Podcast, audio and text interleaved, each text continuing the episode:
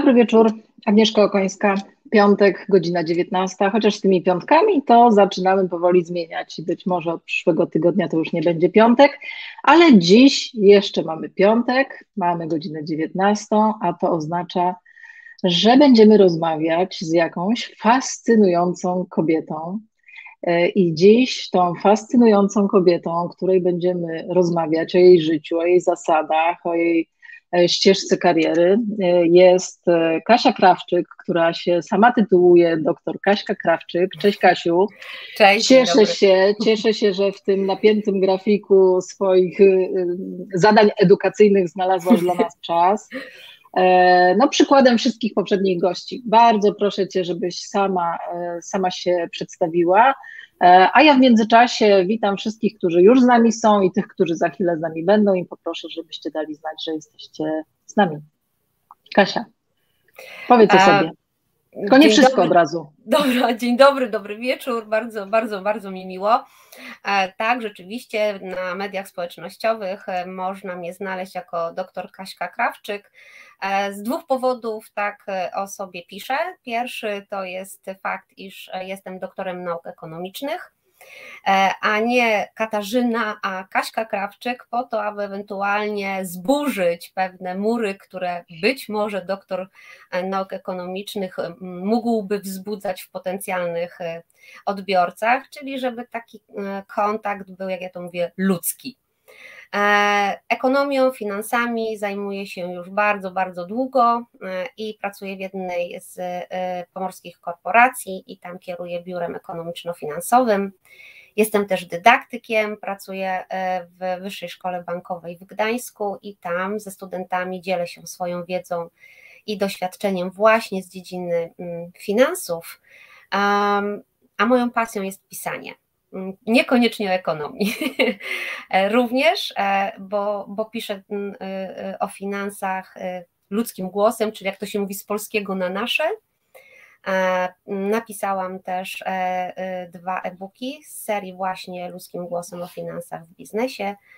Mm, popełniłam e-booka dla dzieci, a tak właściwie to chyba dla rodziców dzieci, jeśli chodzi o finanse. No i piszę opowiadania, krótkie historie, takie z życia wzięte, e, które wzbudzają emocje. E, I jednym z nich jest właśnie e, opowiadanie Jaja Goda, które na LinkedInie od 9 tygodni w każdy czwartek publikuję.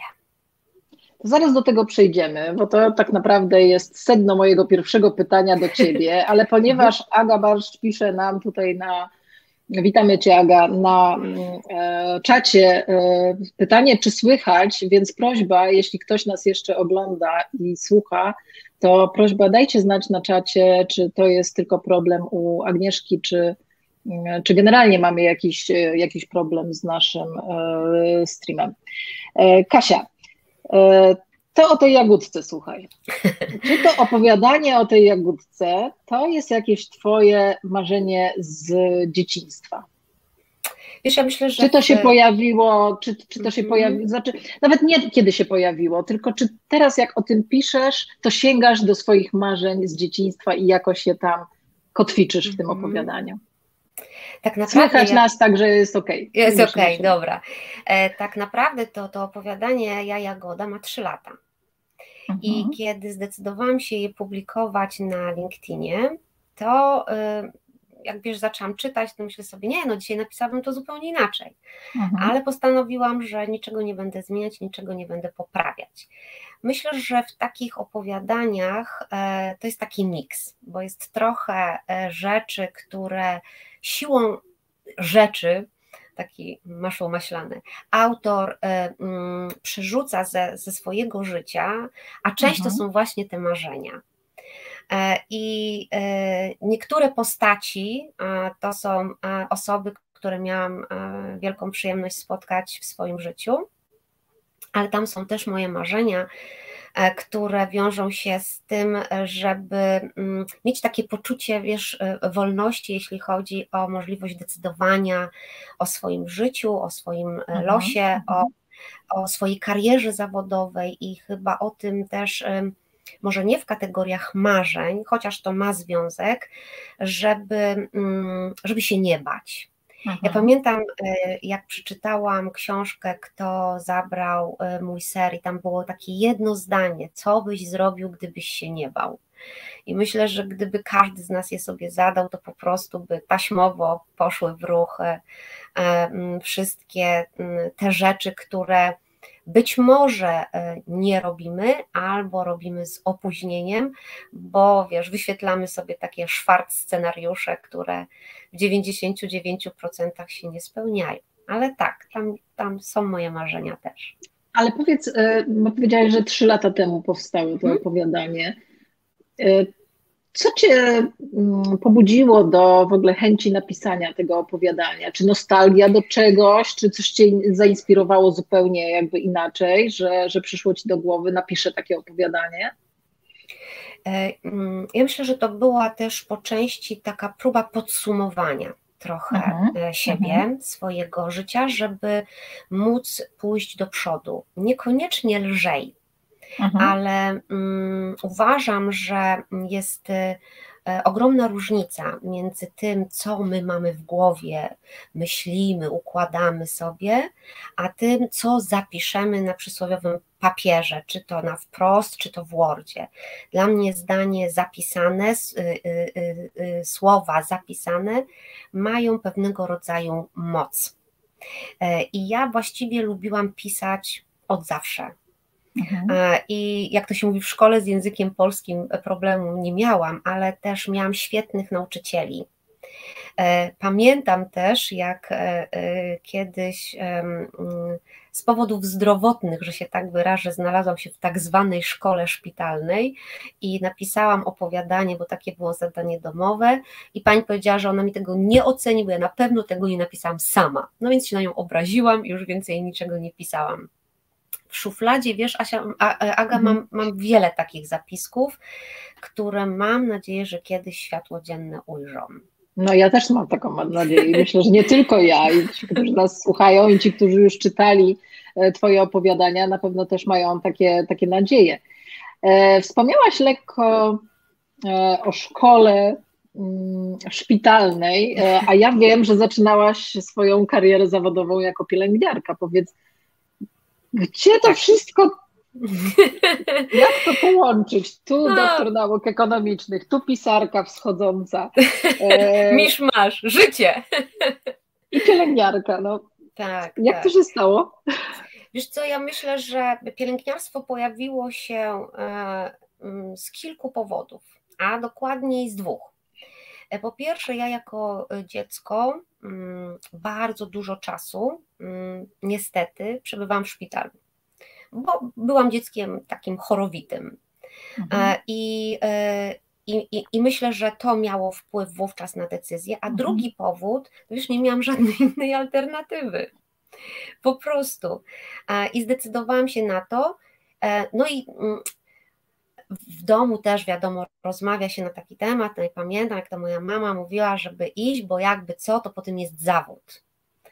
E, no i tak też się stało. Ja pochodzę z Bydgoszczy, tam się urodziłam i tam też e, ukończyłam liceum medyczne, bo wtedy takowe szkoły średnie były, pięcioletnie liceum medyczne, które ukończyłam z dyplomem e, właśnie pielęgniarki dyplomowanej. Niesamowite. I pracowałaś w tym zawodzie?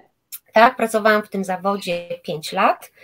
A to mhm. już w Gdańsku, bo, bo już byłam mężatką i jak to się mówi, za mężem na mhm. Pomorze. Przyjechałam, jak to mój mąż mówi, życie mi uratował. Ze stolicy Rabarbaru do wielkiego miasta mnie sprowadził. E, I pracowałam 5 lat e, w mhm. Akademii. Medycznej na chirurgii szczękowo-twarzowej. I to była Twoja pierwsza praca? To była moja pierwsza, pierwsza praca, tak. tak. Mhm. A powiedz, co, y, co z tego wyniosłaś dla siebie? Co ta praca, to miejsce, y, w którym spędziłaś pierwsze pięć lat y, swojej kariery zawodowej, swojej takiego, takiego doświadczenia praktycznego, co z tego wyniosłaś dla siebie? Co najbardziej pamiętasz, jak dzisiaj sięgasz pamięcią do tych czasów? Och, ja już pamiętam, jak um, w liceum mieliśmy tak zwane praktyki, bo piąty rok liceum mhm. medycznego to praktycznie jest przebywanie w szpitalu. I pamiętam, że e, były takie oddziały, e, na których mieliśmy praktyki i wiedziałam, że na nich pracować nie będę mogła. bo bym po prostu płakała razem z pacjentami. I między mhm. innymi takim oddziałem była e, neurologia dziecięca. To pamiętam jak dziś. Natomiast co mi dało? Um, ogromne poczucie pokory. Ogromne. E, e, dystans do, do, do siebie, bo kiedy masz e, mm, ten przywilej, bo tak to nazwę, towarzyszenia osobom chorym e, podczas ich leczenia i nie tylko, to y, myślisz sobie, że y, okej, okay, Twoje problemy, moje problemy, tak jak mówię do siebie, są ważne, ale y, my tak często, chociaż w okresie COVID-u to nabiera innej mocy, życzymy sobie dużo zdrowia. Tak mhm. jakby wiesz, z automatu, ale to naprawdę, naprawdę jest e, bardzo ważne. Więc tak, pokora, ale również odpowiedzialności ogromnej, ponieważ e, e, zawód pielęgniarki, jak to się mówi, to jest też służba, jak najbardziej, bo pieniądze z tego są mhm. śmieszne ale o, to jest ogromna odpowiedzialność za drugiego człowieka. Ale to takie cenne wyniosłaś tak. nauczki z tego okresu, bo można chyba każdą z tych trzech, które wymieniłaś, uznać za mm, taką wspierającą w całej karierze zawodowej. Przynajmniej ja takie postrzegam. I myślisz, że to ci mhm. pomagało potem w kolejnych latach? Myślę, że, myślę że tak. Ja mhm. wiesz, miałam też to szczęście, że e, kiedy e, pracowałam, bez względu na to w jakim miejscu, w jakich okolicznościach, to spotykałam bardzo dobrych ludzi, od których miałam e, przyjemność wiele się nauczyć. I tak było też w czasie, kiedy mm, pracowałam w szpitalu. Moją przełożoną bezpośrednią była pani Anna Blok, E, I to ona na przykład e, mm, naucza, uczyła takiej odpowiedzialności, ale to była też osoba, która mm, bardzo, ale to bardzo akcentowała taką więź w zespole mhm. i która mm, w razie W to po prostu stawała po naszej stronie. Oczywiście mówimy w sytuacjach, kiedy, kiedy myśmy miały rację, stawała po naszej stronie i nie pozwoliła, żeby nam ktoś e, wszedł na głowę, bo nie wiem jak jest teraz, ale kiedy ja pracowałam w szpitalu, to między innymi dlatego zrezygnowałam z tej pracy, bo że to nie było jak w serialu Ostry Dyżur czy Chirurdzy, niestety. A z tym sobie taką pracę kojarzyłam. No dobrze, to teraz zmieniamy profil. Tak. Co ci przyszło do głowy i kiedy, że z pielęgniarki stałaś się finansistą? Finansistką to był pewnego rodzaju proces, ponieważ e, zrezygnowałam z pracy w akademii w momencie, kiedy urodziłam drugie dziecko. Mhm. To była praca w systemie tak zwanym 12 na 24. Mm, mój mąż, jak to się mówi, za pracą wyjechał, więc nie było mowy o tym, żebym mogła wrócić do pracy w szpitalu.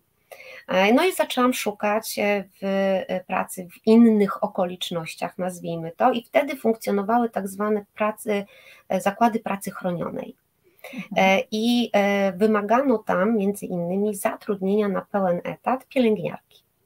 I tak znalazłam tam pracę. To była świetna dla mnie praca i mega doświadczenie, ponieważ ja sobie całe moje miejsce pracy organizowałam od zera. Ja dostałam gołe takie, takie dwa pokoje, z których jednym musiałam mhm. zrobić pokój zabiegowy, a e, z drugiego musiałam zrobić e, pokój na e,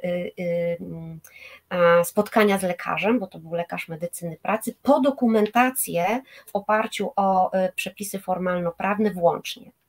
No i kiedy ja mhm. już to wszystko zrobiłam, to myślę sobie, że przecież nie będę siedzieć i czekać, aż się ktoś skaleczy. I poszłam do moich koleżanek, które pracowały właśnie w księgowości. mówię, słuchajcie dziewczyny, ja, ja, ja bym chciała coś robić, bo ja to tak nie, siedzieć to tak niekoniecznie. I czy ja bym mogła w czymś pomóc? Mm, no, mówię, ok, i wtedy nauczyłam się obsługi komputera, to były lata 90. I robiłam tak zwane rzemiosło, czyli wprowadzałam dokumenty księgowe do systemu. E, inaczej faktury. Mhm. E, no i myślę sobie, no to dlaczego nie studia, chociaż one zawsze gdzieś były tam w mojej głowie, tylko ja tak sobie mm, żartuję, że w moim życiu tak zrobiłam od, od tyłu, czyli najpierw wyszłam za mąż i urodziłam dzieci, a potem postawiłam na edukację i dlatego mówię, że dzieci mam stare. Um, A to też tak jest to plus. się zaczęło. I tak to się zaczęło, tak, tak, to też jest plus. E, natomiast um, życie akurat wtedy nie było dla mnie zbyt łaskawe, ponieważ mhm. E, ja miałam zacząć naukę w wyższej szkole bankowej, bo jestem absolwentką, patrząc na miesiące w październiku, a w maju straciłam pracę, ponieważ mhm. zakład został zlikwidowany. No i wtedy niestety muszę się przyznać, e, zasilałam szeregi szarej strefy i robiłam, nazwijmy to prawie wszystko, ale to też wiele mnie nauczyło. I tak to się zaczęło. I potem było WSB. A WSB dlatego, bo nie wyobrażałam sobie zdawać egzaminy, bo wtedy jeszcze to były czasy egzaminów wstępnych na uczelni i dlatego nie poszłam na uniwersytet. Ale powiedz, jaką ty drogę przeszłaś od e, powiedzmy sobie wprowadzającej faktury y, y, w księgowości pielęgniarki, no rozumiem jakby potrzebę ukończenia studiów wyższych, ale kiedy pojawiło ci się kiedy pojawił ci się pomysł w głowie, żeby tą edukację nie zamknąć na etapie magistra, tylko kontynuować, być wykładowcą, a potem nawet zrobić doktorat? Czy to y, długi był y, okres czasu, przerwa jakaś, czy to było tak jakoś płynnie?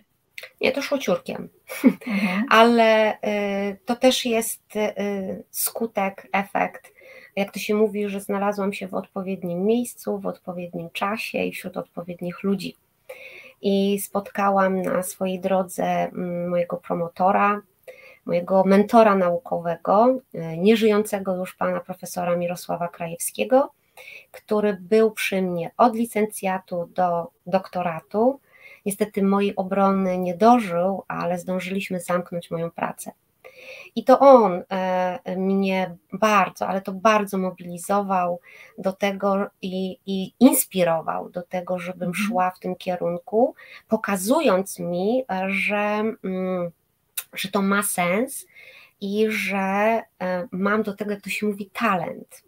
Mhm. I y, y, pamiętam, jak mówił mi, y, że ja, ja zacytuję na wprost jego słowa, mówi Kaśka, księgowych jest jak psów. Nie obrażając księgowych, ale dobrych analityków finansowych to można policzyć na palcach jednej ręki. Mhm. I, I, ja tak za nim szłam, tak, tak pod, pod, pod, jego kierunkiem, czyli były studia licencjackie, potem poszłam już do pana profesora na magisterkę na Uniwersytet Gdański na Wydział Ekonomiczny, wróciłam zanim do WSB na studia podyplomowe i pamiętam, jak już e, e, zbliżała się obrona na studiach podyplomowych, to mówi, to co, doktorat? A ja mówię, ale, ale że ja? A on mówi, no a kto?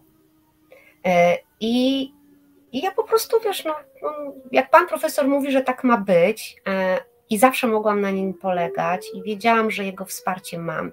Wiedziałam, że mam e, ogromną swobodę, warunek jest jeden, muszę go do tego przekonać.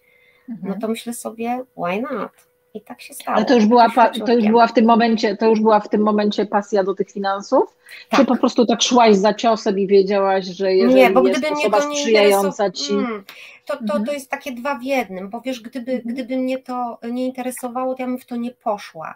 E, dla mnie zawsze matematyka to była logika. E, I e, dla mnie ta, ta domena moja, czyli właśnie ta analiza finansowa, bo jej też poświęciłam swoją pracę doktorską, to też tak opowiadam moim studentom, że to jest magia, mhm. bo to jest czytanie z liczb. To jest opowiadanie o czymś, mając przed sobą liczby. Mało tego, to jest przepowiadanie przyszłości, ale nie takiej, wiesz, wróżenia z fusów, tylko rzeczywiście możesz powiedzieć, e, którym kierunku nie idź, gdzie są wąskie gardła i co można poprawić, a w którym kierunku iść na pewno, żeby było lepiej. I to mnie zafascynowało. Mało tego, nie miałam problemu e, z tym, na co stawiał też mój profesor, czyli właśnie tym czytaniem, czy tym interpretowaniem. Mhm. I tak dosyć dużo po nim odziedziczyłam jako dydaktyk i zawsze jak wchodzę na pierwsze zajęcia swoje, to mówię, że jeśli jest egzamin, kolokwium, cokolwiek, to ja wzory daję, bo jak będzie trzeba, to tak samo jak ja i oni sobie je wygooglują, wyczytają. Mhm, mhm. Natomiast ważne jest to, żeby wiedzieć, co się dostało. A, a to już jest trochę wyższa szkoła jazdy, co jest, co, co, co jest do osiągnięcia, czego jestem przykładem. To muszę Ci powiedzieć, Kasia, że ja się całe życie wśród finansistów obracam, bo nie ukrywam, że większą część życia z finansami też byłam związana, ale tak poetycko o finansach to nie słyszałam, żeby ktoś opowiadał jak ja Ty. uwielbiam o tym Także chy, chylę czoła, chylę czoła. Dzięki. Naprawdę. A powiedz, a powiedz bo trochę zaczęłaś już o, o kontakcie ze studentami. Mhm. E, co daje Ci bycie wykładowcą na wyższej uczelni i kontakt z, z ludźmi, którzy, którzy są studentami? Nie zawsze to są młodzi ludzie, bo, bo to tak. różnie bywa, ale, ale generalnie ze studentami. Co, co Ci daje ten kontakt? Rzeczywiście to nie zawsze są młodzi ludzie, aczkolwiek tak z własnych obserwacji wnioskuję, że ta średnia wieku jest jednak e, niższa aniżeli wyższa, tak jak było kiedyś, mhm. ponieważ ja prowadzę zajęcia na studiach niestacjonarnych, potocznie zwanych mhm. zaocznymi. Ja bardzo jestem sfokusowana na punkcie dy, dydaktyki mm, e, z e, jednego ważnego powodu. I to też e, niejako jest e, w spadku odziedziczone po, po moim panu profesorze, e, żeby nie doprowadzić do sytuacji, w której pozwolimy sobie na to, żeby ktoś nam zrobił wodę z mózgu. Czyli, mhm. żeby być świadomym, jeśli chodzi o podejmowanie przez siebie decyzji, ale również, żeby być otwartym na to, co ma tobie kto inny do zaoferowania. Czyli to nie jest tak, że mamy monopol na wiedzę. To jest tak, że możemy się różnić. Ważne tylko, żeby się nawzajem do pewnych e, swoich przekonań przekonać. O mhm. tak. Bo to jest to, co druga osoba, inne osoby mogą nam dać, albo z którymi możemy się wymienić. I to są te doświadczenia, których już nikt nam nie zabierze. I to, tą świadomość, tą, tą, tą mega świadomość, to też e, na zajęciach podkreślam. Ja w ogóle stawiam na to, żeby e, podczas zajęć prowadzić dialog, a nie monolog. E, I jeśli tylko mogę, to prowadzę zajęcia w mm, charakterze takich projektów, a nie suchych egzaminów czy kolokwiów. Mhm żeby moi studenci trochę się pobawili tymi finansami. E, I mm, miód na moje serce, jak e, dostaję opinię, że no, pani zajęcia to były jedne z tych, co naprawdę musieliśmy się napracować. Ale z drugiej strony to bardzo doceniają. E, I bo na przykład nie, ma, nie mieli do tej pory z tym styczności. Ja pamiętam, jak mhm. ja się tym bawiłam, no bo jak inaczej. A studenci ja mam takie też szczęście, że naprawdę mam dobrych studentów. I jeśli już przekonasz do siebie i tak, wiesz, zwalisz taki ten mur e, mm, wykładowcy, oczywiście nie tracąc szacunku, to, to wtedy mm, y, mm, też e, przestaje albo zmniejsza się takie poczucie, nie wiem, wstydu. Ja to nazywam wprost mhm. że nie wiem, palnę coś, mówię w kategoriach niejako o studentach, że powiem coś nie tak, że, y, y, że, że to coś może być głupie. A ja zawsze powtarzam, że, że czegoś takiego nie ma. I studenci bardzo dużo wiedzą, bardzo dużo. Oni przychodzą też ze swoimi doświadczeniami, więc to jest takie win-win. Ja im daję mhm. i oni mnie dają. Ale też y, Różnica polega tylko na tym, że y, niektóre procesy, niektóre nazwiska e, nie potrafią jeszcze nazwać, jakby to można było powiedzieć, w kategoriach właśnie tych finansów, tak? Ale oni doskonale wiedzą o co chodzi. Doskonale. Mhm. Trzeba tylko ale też twój dystans taki do tego, też twój dystans taki e, też do siebie. Tak. E, uwielbiam twoje posty, ostatni strach ma wielkie oczy, po prostu rewelacja.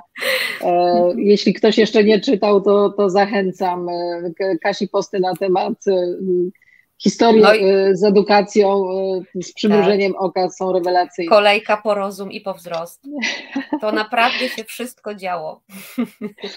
Ale powiedz, ja rozumiem, że masz fajnych studentów i że wszystko jest w samych różowych kolorach, ale jednak powiedz tak zupełnie szczerze, co jednak odczytujesz jako najtrudniejsze w pracy dydaktycznej? Co może sprawiać ci problem albo sprawiało kiedyś? No bo chyba nie jest aż tak różowo, że tylko wszystko jest na, na, na plus. Czasami po prostu jestem bardzo zmęczona, bo jednak to się pracuje 7 dni w tygodniu, jeśli mhm. mówimy, że jest rok akademicki. To się też wiąże z tym, że do takich zajęć muszę się przygotować i to nie mhm. zawsze jest tak, że pomiędzy mną a grupą pyknie. To nie jest tak zawsze.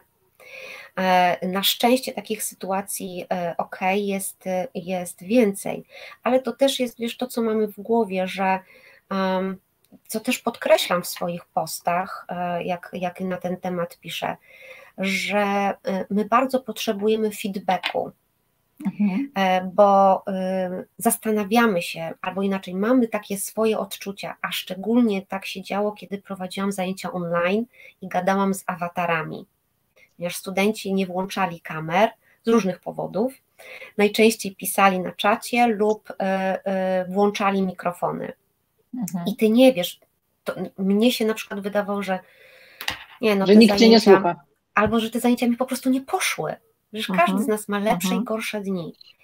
I e, jak nie masz tego feedbacku, to wiesz, to się zastanawiasz i tak trochę się biczujesz, nie? Bo, bo, bo no ja tak mam. Taką fazulę cały czas tam aktywną w głowie mam. E, I czasami już przychodzi też takie zmęczenie materiału, i wtedy tylko patrzę w kalendarz, Boże, kiedy mam wolny weekend? Bo jest naprawdę trudno.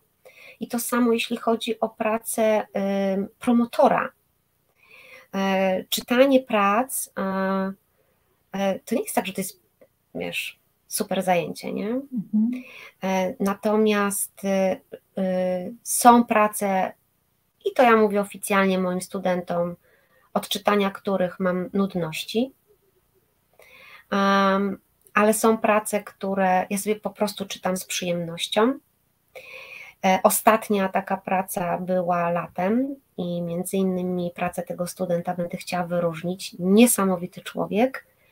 E, natomiast to, co najbardziej daje, e, tak kolokwialnie mówiąc, w dekiel, przemęczenie, zmęczenie mhm. materiałem, to jest na bank. No bo domyślam się, domyślam się, że właśnie ten okres pandemii i prowadzenie zajęć online z jednej strony no niby jesteś w domu, niby nie musisz mhm. dojeżdżać, no bo e, przebywanie na uczelni cały weekend od rana do wieczora też bywa męczące na pewno i, i dom daje jakąś tam inny, inny komfort, ale jak sama mówisz, ten brak e, e, reakcji, brak kontaktu bezpośredniego bywa pewnie bardziej nużący niż, tak. niż, niż takie fizyczne bycie na sali wykładowej czy na, na, mhm. na, na sali e, ćwiczeń i, i z, z tą no, młodzieżą, bądź też starszymi studentami po prostu e, reagować na, na to, co się dzieje. To, jest łatwiej wtedy, to tak. Jest, to jest wtedy łatwiej, prawda? Tak, tak. Powiedz mi, jak wiesz, z perspektywy... Mhm. Tym bardziej, tak, że, tak, przepraszam, tak. tylko dokończę, że tym bardziej, że mm, postanowiłam sobie, nawet jak zajęcia odbywały się w formie online, że nie zmieni ich formy. Mhm. Czyli to też wymagało ode mnie y, zupełnie innego zaangażowania. E, no i człowiek jest po prostu wyprany, nie? Po, takich, e, po takim całym dniu. Zresztą e, zarówno studenci są zmęczeni, jak i wykładowca jest zmęczony. Tylko jest subtelna różnica w zajęciach online, no bo jak nie jest włączona kamera, to równie dobrze może przysnąć, nie? No, Ale znaczy inaczej się spędza czas. Mhm. Słuchaj, trochę tego dotknęłaś, ale jakby chciałabym pogłębić.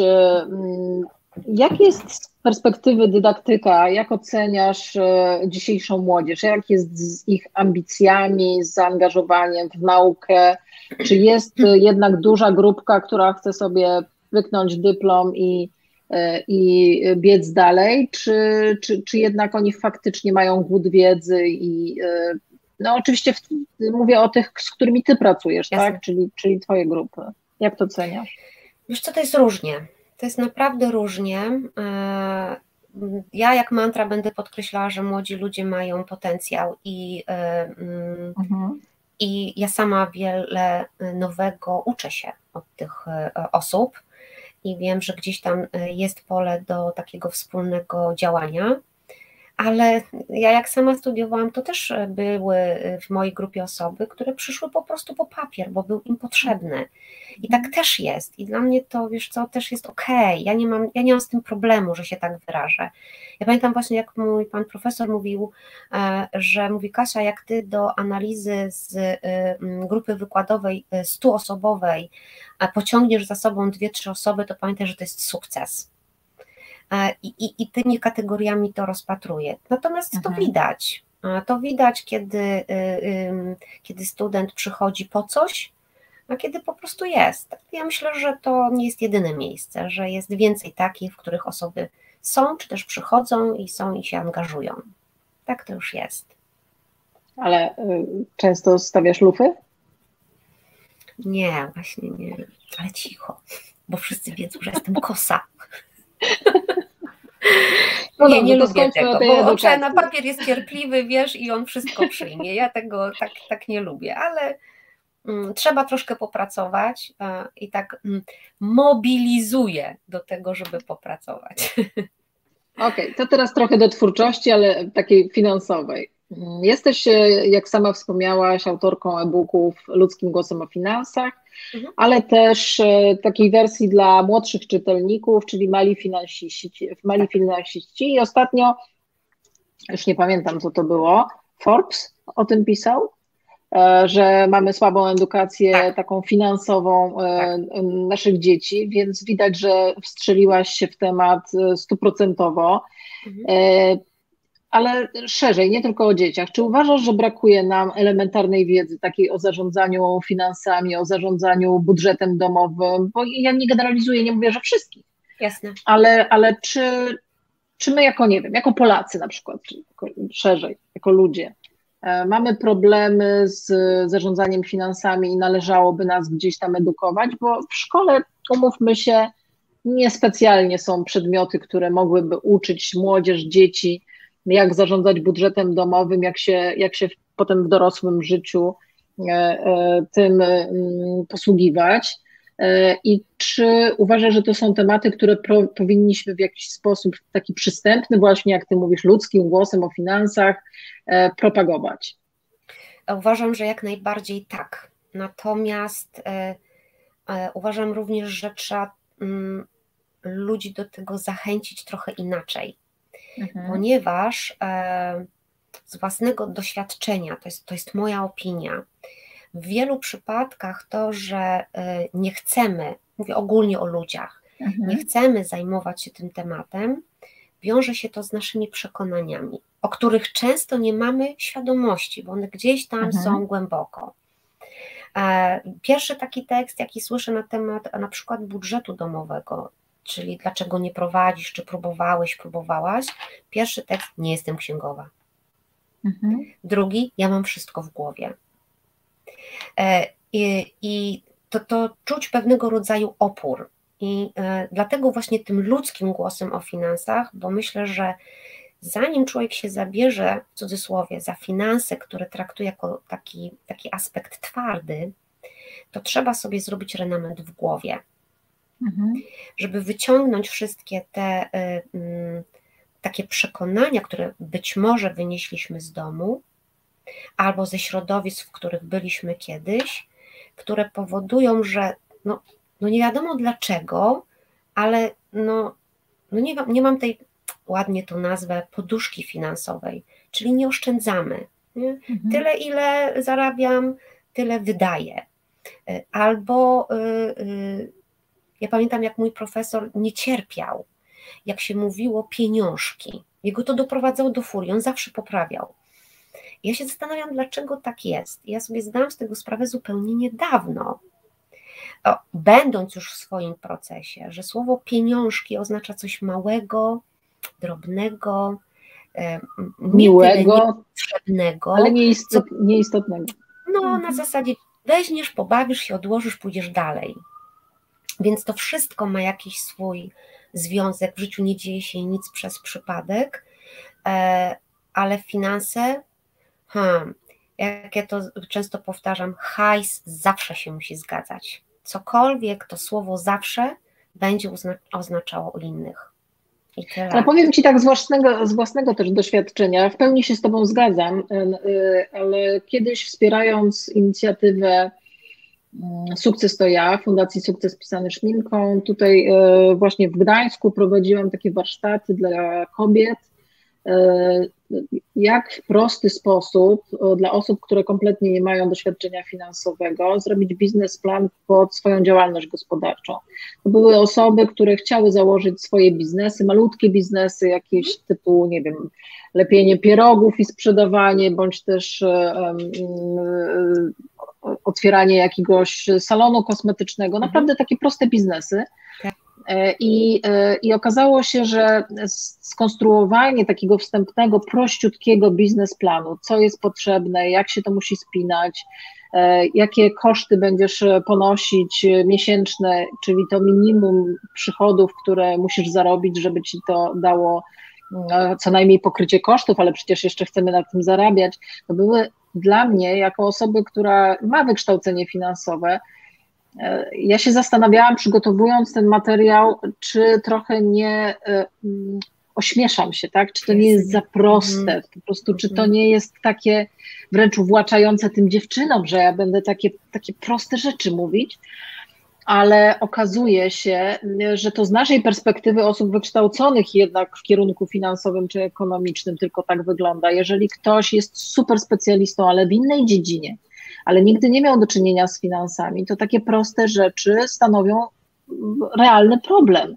E, I takie proste szkolenie, gdzie, gdzie naprawdę przez godzinę prościutkiego Excela e, dziewczynom pokazałam, a potem w pracach w podgrupie robiły swoje biznesplany takie twarde, okazało się, że miały z tego świetną satysfakcję, wręcz mm. frajdę, że, że potrafią to robić. I, I zgadzam się z Tobą w stu procentach, że należy zupełnie innym językiem o tych finansach mówić, bo jest wiele tak. osób, które dzisiaj, zwłaszcza kiedy jest większy dostęp do biznesów online, mają chęć założenia swoich mhm. nowych firm, założenia swoich biznesów, mają e, ograniczoną wyobraźnię, co to od strony finansowej oznacza i jak to e, tak. będzie wyglądało w przyszłości. Więc e, jakby plus dla ciebie, że A, a nie masz też, Agnieszko, takiej, takiej z własnego doświadczenia też czegoś takiego, że mm, ludzie trochę się wstydzą tak. mówić o tym, że czegoś nie wiedzą w temacie swoich finansów, że wstydzą się mówić o swoich finansach z prostego powodu, bo zostaną ocenieni właśnie negatywnie na zasadzie, tak. co? Tak i ja pamiętam, jak właśnie pisałam te e-booki ludzkim głosem o finansach, miałam identycznie jak ty. Mhm. Coś, co dla nas jest oczywistą oczywistością, dla drugiej osoby absolutnie nie. I ja też się zastanawiałam, pisząc, czy to nie jest zbyt proste, no bo przecież to jest mhm. tam takie, takie jakby ABC, tak? I, I to właśnie chyba, chyba, chyba o to chodzi. I stąd jest ważny ten feedback tu ponownie wracamy. I oczywiście, tak jak narzędzie, o którym Ty mówiłaś, tak i moje e-booki, to nie są dla wszystkich osób, nie? To są właśnie dla tych, które um, odważyły się do takiego tematu w końcu sięgnąć.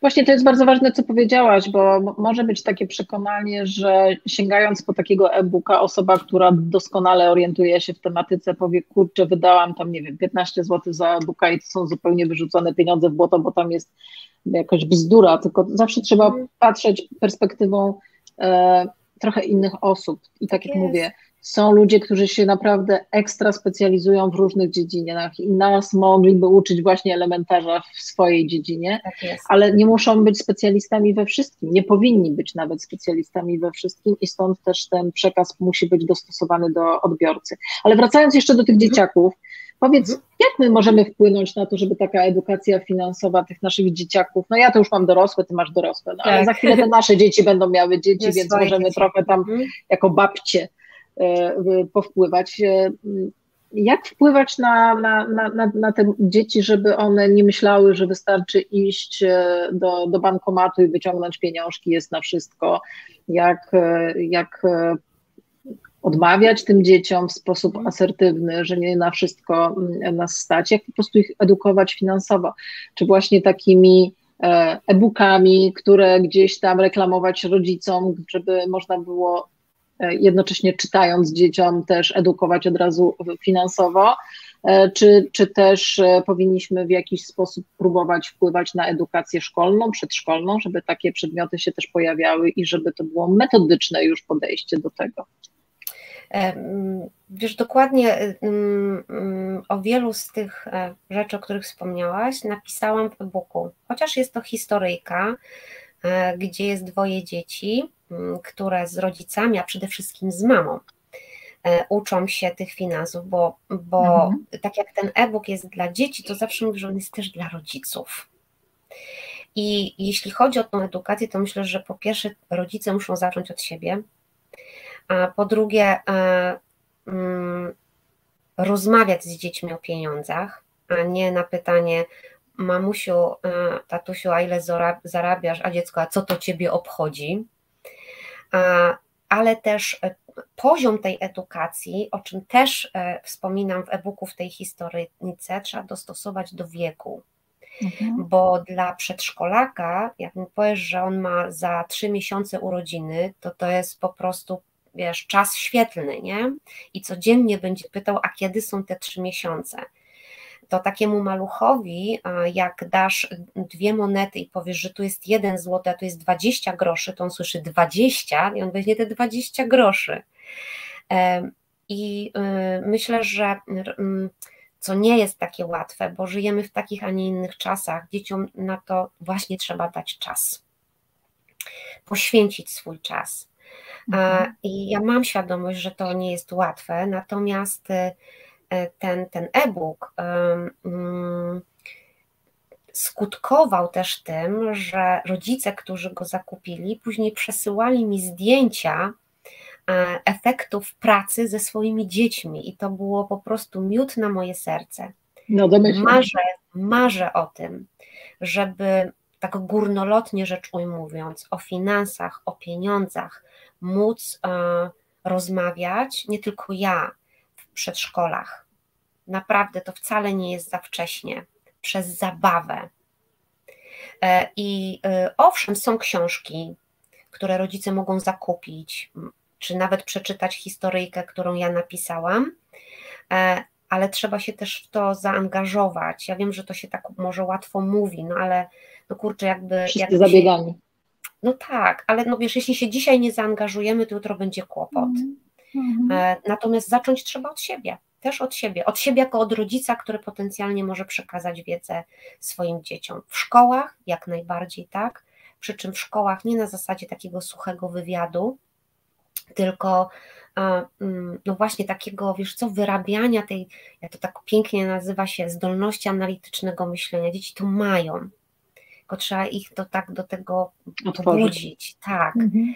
Ja pamiętam, jak w zeszłym roku byłam też zaproszona, e, to było spotkanie online, do takiego kółka naukowego w e, szkole podstawowej na wschodzie Polski. I niesamowite wrażenie. Tam było chyba ośmioro dzieci, łącznie ze swoimi paniami. E, I te dzieciaki tak ciekawie opowiadały. Najciekawszy był moment, jak pytałam, ile by chcieli zarabiać. To niektórzy, muszę ci powiedzieć, bardzo twardo stali na nogach. Inni, tak jak im serce podpowiadało. Natomiast to był bardzo ciekawy czas, ale to było na takiej zasadzie, że ja właściwie więcej zadawałam pytań, a dzieci opowiadały.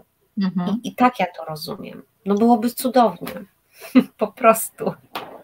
Gdyby w szkołach, w przedszkolach można było o dzieciach z dziećmi rozmawiać, a to jest też takie, wiesz, nasze, wiele takich przekonań naszych, nie, takich polskich, że się tak e, e wyrażę na temat pieniądza, niekoniecznie wspierające. Kasia, zostańmy przy rozwoju. Takie bardzo edukacyjne dzisiaj to nasze spotkanie. Cały czas się uczymy wszystkiego. Od jakiegoś czasu interesuje Ciebie rozwój osobisty, ale zarówno w tak. wydaniu takim, że Ty sama siebie chcesz rozwijać i e, zgłębiasz e, wszystko, co jest dostępne dookoła, ale też chcesz dzielić się tym, mhm. tą wiedzą i pomagać rozwijać się innym. W związku z tym mam pytanie, kiedy ten obszar zaczął stanowić dla Ciebie taką dodatkową pasję chyba, tak? Tak, tak, myślę, że tak. Myślę, że pasję. Mm, e, ja wiesz, w pewnym momencie e, swojego życia, było jakieś prawie 4 lata temu, stwierdziłam, że albo coś zmienię, albo zwariuję. Po prostu. I zaczęłam szukać. Mhm. I to wcale nie było łatwe, bo musiałam się przekonać do świata online, z którym wcześniej mhm. w ogóle nie miałam styczności. E, musiałam się wielu rzeczy nauczyć, żeby do tego świata online wejść, ale też nauczyć się w nim szukać. I czasami sobie myślałam, że kurde, kolejny raz jestem nie wiem, naiwna, bo ktoś mnie po prostu zrobił w trąbę, brzydko mówiąc. E, I to powodowało, że mm, wiesz, jak taka wańka wstańka, tak pada i wstaje, mhm, pada i mhm. wstaje. Albo zrobisz krok do przodu, potem trzy razy się wstecz cofasz, ale to jest normalne właśnie w tak zwanym rozwoju osobistym, szeroko rozumianym. Potrzeba zmiany, ale już mówimy o, o zmianie siebie, mhm. swojego podejścia. Taki nie potrafię inaczej, wiesz, tego wytłumaczyć. Po, po prostu gdzieś albo się zmieni, albo zwariuje. Potem a czy jesteś, z biegiem czasu dochodziło do, więcej do głowy. Nie? A czy chciałabyś e, powiedzieć, które z jakichś takich programów rozwojowych były dla Ciebie najbardziej mm, znaczące, takie, z których najwięcej wyniosłaś, które trochę zmieniły Ci optykę na pewne sprawy? Żeby też zareklamować, tu podzielić się z tym doświadczeniem z osobami, które nas oglądają, słuchają. E, wiesz, myślę, że program, od którego wszystko się zaczęło, a dokładnie od osoby, którą na swojej drodze spotkałam, i to była Kamila Rowińska. To się od mhm. tego zaczęło i od książki Kobieta Niezależna. E, ja um, ukończyłam program um, mastera u Kamili, to był też proces e, i um, tam zaczęłam też poznawać e, wiele wspaniałych osób i takich, które no dla mnie to są bohaterami. Mhm. E, e, I pamiętam, jak na jednym z podczas takich spotkań z Angie, z dziewczyną, która jest na wózku, siedziałam obok i obok mnie była koleżanka e, i mówię, słuchaj, pamiętaj, że jak powiem ci, że mi się czegoś nie chce, to nie kop mnie w tyłek, tylko przypomnij mi Angie. Mhm. I to od tego się zaczęło to trwało, jeśli chodzi o taką, mm, nazwijmy to, edukację rozwojową w ramach tego projektu, tego programu, prawie dwa lata. Trochę oczywiście też wpływ na to miał y, COVID, ale mm, to były niezapomniane chwile i, wiesz, to też nie jest tak, że kończy się y, projekt i kończy się wszystko bo kontakt cały, cały czas jest i z uczestnikami, i z nowymi osobami, i z samą Kamilą również. Także a powiedz, w jakich, w jakich aktywnościach, w jakich aktywnościach takich e, bierzesz udział e, obecnie, bo, bo to, że jesteś mentor, mentorką w Fundacji Liderek Biznesu, to wiem, bo trochę cię tam zaciągnęłam. Tak mm, jest. E, z własnego jakby doświadczenia, ale wiem, że właśnie z tego programu Kamili Rowińskiej też pojawiły się pewne projekty, pewne aktywności, w których bierzesz udział. Mogłabyś trochę o tym powiedzieć? Na przykład też, e, bo tam jest taka społeczność e, e, u Kamili, ona oczywiście jest społecznością zamkniętą, co nie oznacza, że nikt nie może tam wejść z zewnątrz. I Kamila też założyła swoją fundację, gdzie pomaga i wspiera. Kobiety. Mm, ja mm, w tej fundacji czynnie, aktywnie może nie uczestniczę, bo fizycznie już nie mam na to czasu, ale to, co jest takie mm, niesamowite, że się tak wyrażę, to kiedy jest potrzebna pomoc którejkolwiek z nas, mhm. E, to po pierwsze ona się e, nie wstydzi i nie obawia tego powiedzieć, a po drugie, to po prostu to jest wtedy taka, taka, wiesz, taka społeczność, że tam no, człowiek po prostu idzie i daje z siebie tyle, ile może, albo daje tyle, co może, wspiera czymkolwiek. I to jest bardzo, e, bardzo, bardzo takie, mm, takie budujące. E, no myślę, że to jest też e, kwestia samej osoby, jaką jest Kamila, która bardzo szczerze i otwarcie opowiada o swoim życiu, pokazując, że jeśli chcesz, to, to, to, możesz osiągnąć, że to nie jest też tak, że ktoś jej wszystko dał, więc ona też jest dla mnie osobą bardzo, bardzo wiarygodną. A powiedz, a Twój artykuł w mm, magazynie Personal Branding to, to jest e, jakieś, jakaś konsekwencja relacji, które zbudowałaś w tej grupie, czy, czy to już zupełnie inna bajka? To już zupełnie inna bajka. To już zupełnie inna bajka, bo to jest y, moja znajomość z Justyną Kopeć E, dzięki której ten magazyn mhm. E, powstał. To jest kobieta, którą no, poznałam już też ładnych parę lat temu mm, na jednej z konferencji, e, która się odbywała w Gdyni, mm, poświęcona kobietom. I pamiętam, że znałam ją tylko ze świata online i zobaczyłam ją z daleka, bo to jest też taka anegdota, i poznałam ją po kolorze marynarki, bo takie były wtedy kolory jej marki. A to jest mhm. właśnie kobieta, która między innymi poprzez swoją wiedzę i doświadczenia uczy, pomaga, mm, wskazuje kierunek, e, e, żeby budowania własnej marki. I tak żeśmy się mm, poznały. I, I ja od Justyny też wielu rzeczy się nauczyłam, korzystając z tego, co ona sama oferuje. Mm, współpracowałyśmy też w takich grupach mastermindowych, to też a propos aktywności, zarówno jeśli chodzi o Kamilę, jak i o, o, o Justynę i to były też niesamowite doświadczenia. No i właśnie to jest kolejna osoba, która mm, mimo, że, że y, korzystałam z jej wsparcia, bo tego już potrzebowałam, to to nie jest tak, że, że wiesz, że się kończy coś i mówimy sobie do widzenia i się nie mhm. znamy, czyli jest kontynuacja. No i to właśnie Justyna, wiedząc czym się zajmuje, bo cały czas jesteśmy w takim kontakcie e, e, online'owym, zaproponowała mi, abym napisała artykuł właśnie do tego magazynu, za co jej bardzo dziękuję.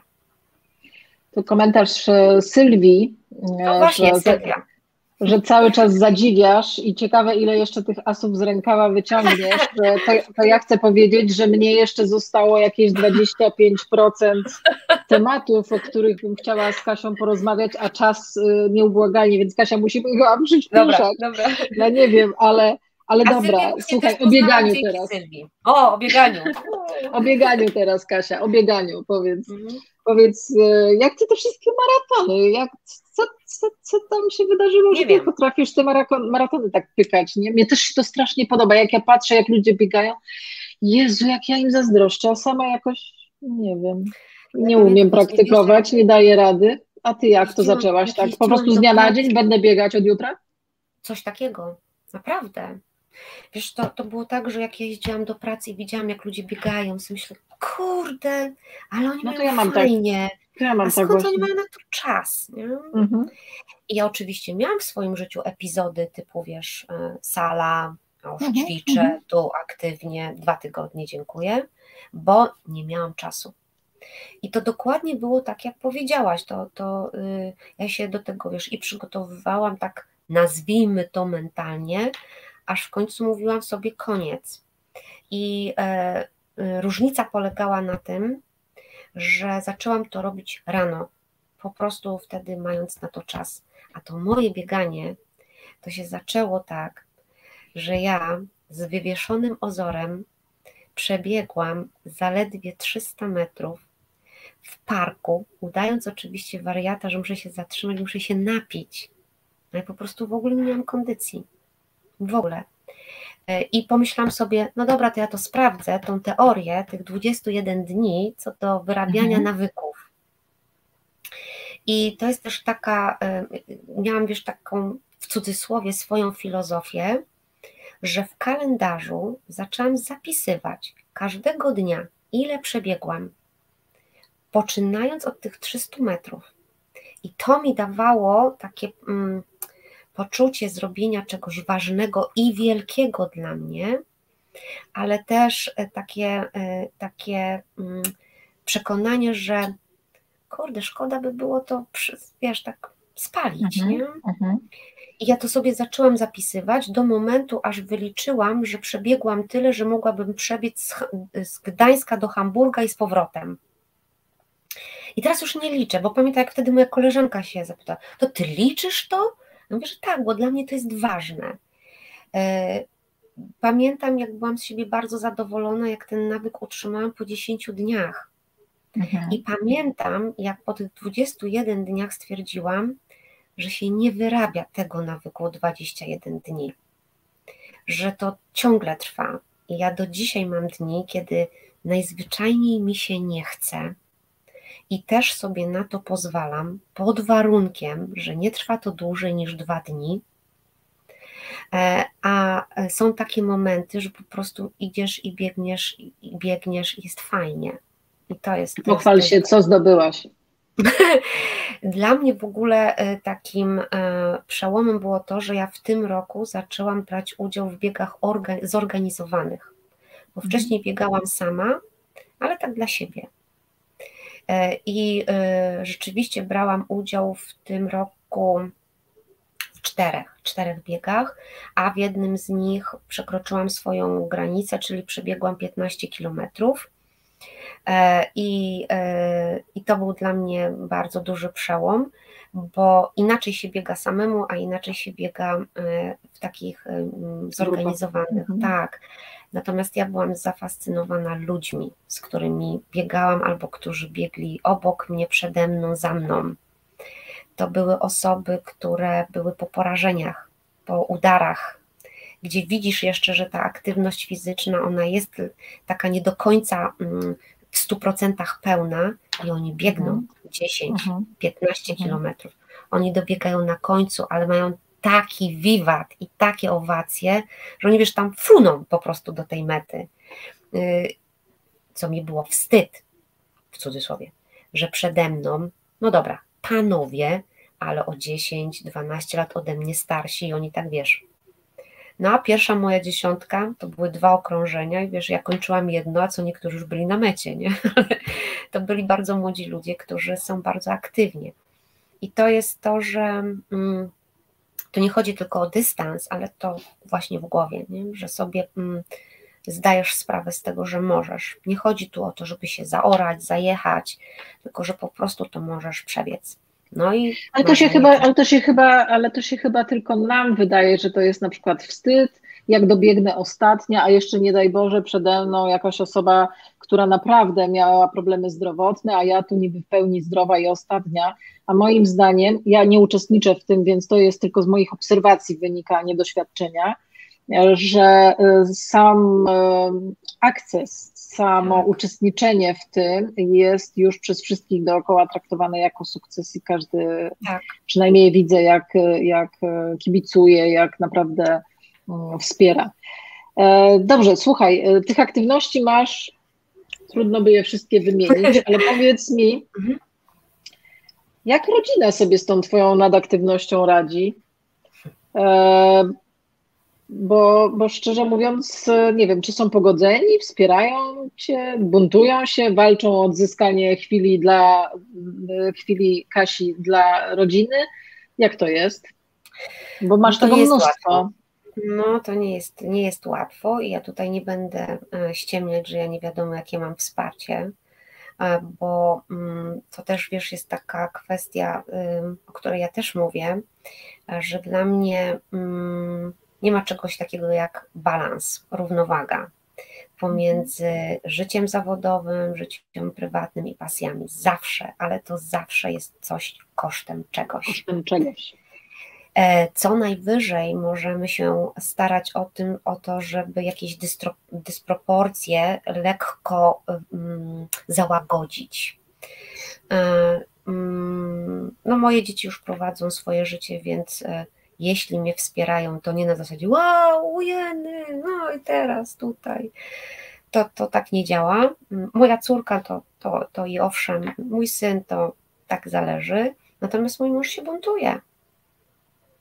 Mimo, się no to, to wspieram Cię całym sercem, bo też mam z tym e, problem i na przykład w tą sobotę obiecałam synowi, że to jest sobota dla niego, idziemy razem do kina i potem jeszcze być może jeszcze gdzieś, ale, e, ale rzeczywiście jest to problem. Natomiast e, rodzina, przynajmniej ja z doświadczenia mm, to mogę powiedzieć, jeżeli widzi, że daje Ci to straszną frajdę, to jest w stanie ci trochę odpuścić, bo cieszy tak. się tą twoją frajdą po prostu. Albo czasami przez przypadek się dowiesz, w cudzysłowie przez przypadek, że, że rzeczywiście to doceniają.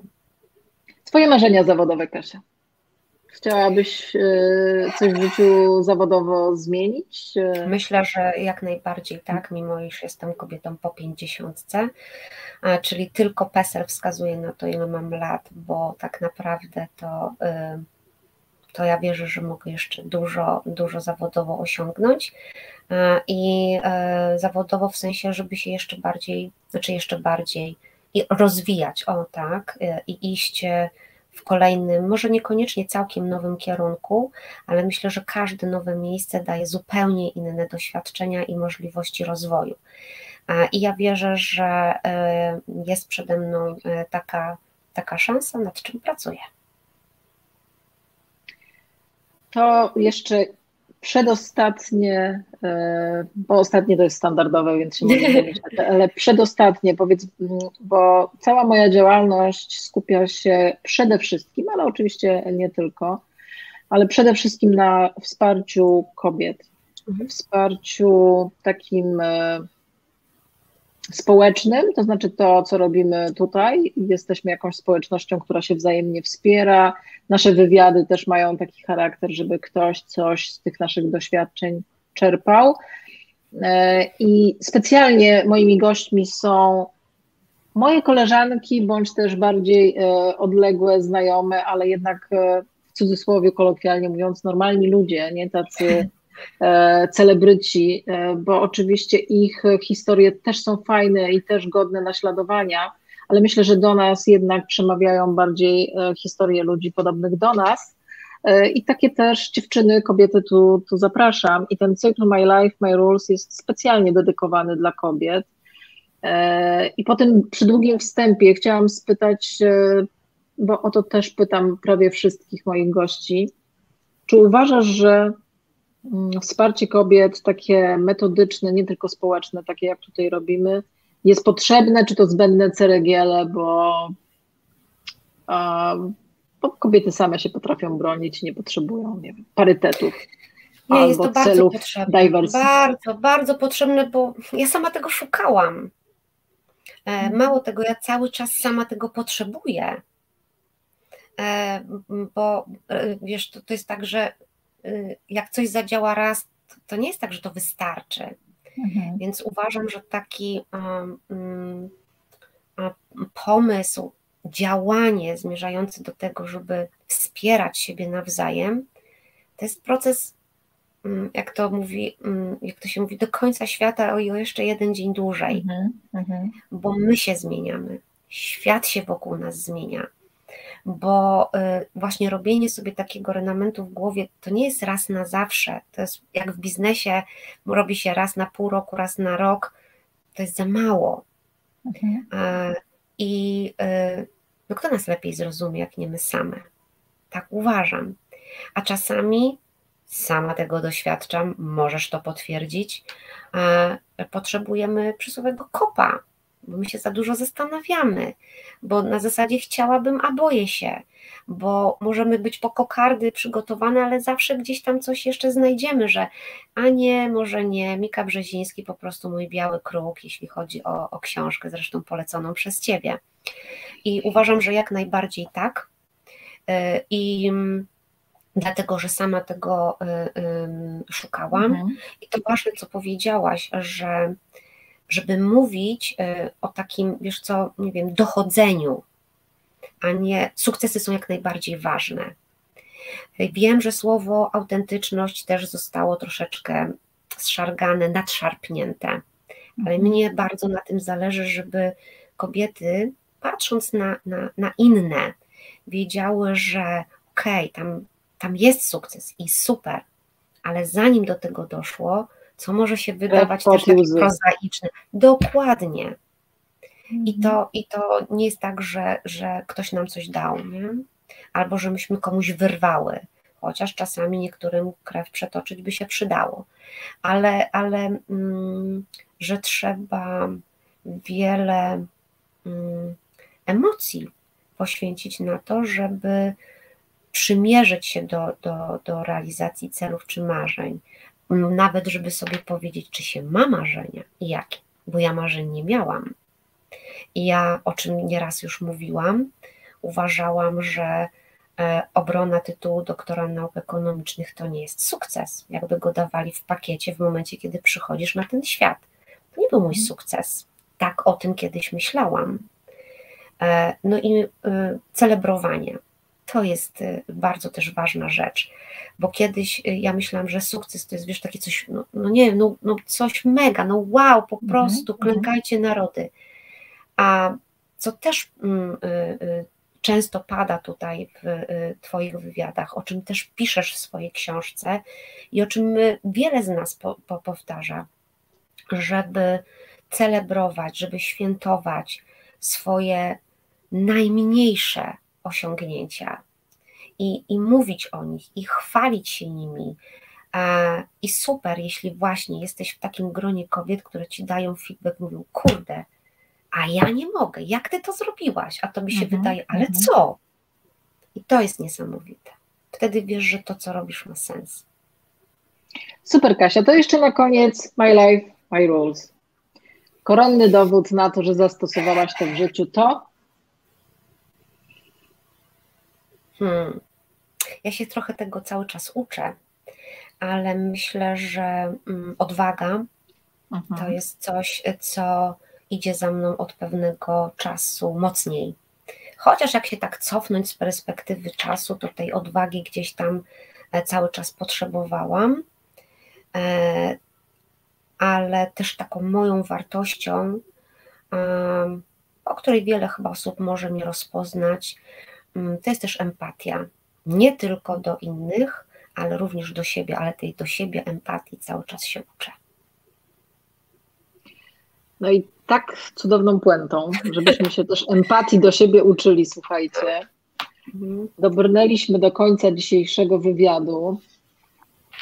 Kasia, bardzo, bardzo Ci dziękuję za to, że ja znalazłaś czas. Wiem, że z wywieszonym językiem leciałaś z zajęć do nas, mhm. więc tym bardziej doceniam, że, że wykroiłaś w tym swoim kalendarzu tą godzinkę dla nas tu wszystkich. Myślę, że wiele osób, które to słuchały, z zafascynowaniem e, w Twoją historię się zgłębiły. E, my się widzimy chyba w środę. Jeszcze będę informować mhm. na bieżąco, ale schodzimy z piątków na środę, bo wydaje mi się, że piątek to już jest taki piątek, piątek, Piąt, już każdy myśli Piątunio, o... piątololo. Tak, tak, tak. Co tak, niektórzy myślą. się. Co niektórzy. Więc chcę, więc e, chcę trochę to zmienić i, i pewnie przejdziemy na środę. E, także zapraszam wszystkich na następne spotkanie. A Tobie, Kasia, jeszcze raz bardzo serdecznie, ja bardzo gorąco dziękuję. dziękuję. Bardzo miło. E, I, i do I usłyszenia, do, do zobaczenia.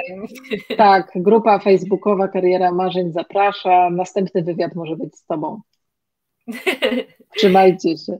Do widzenia, do zobaczenia.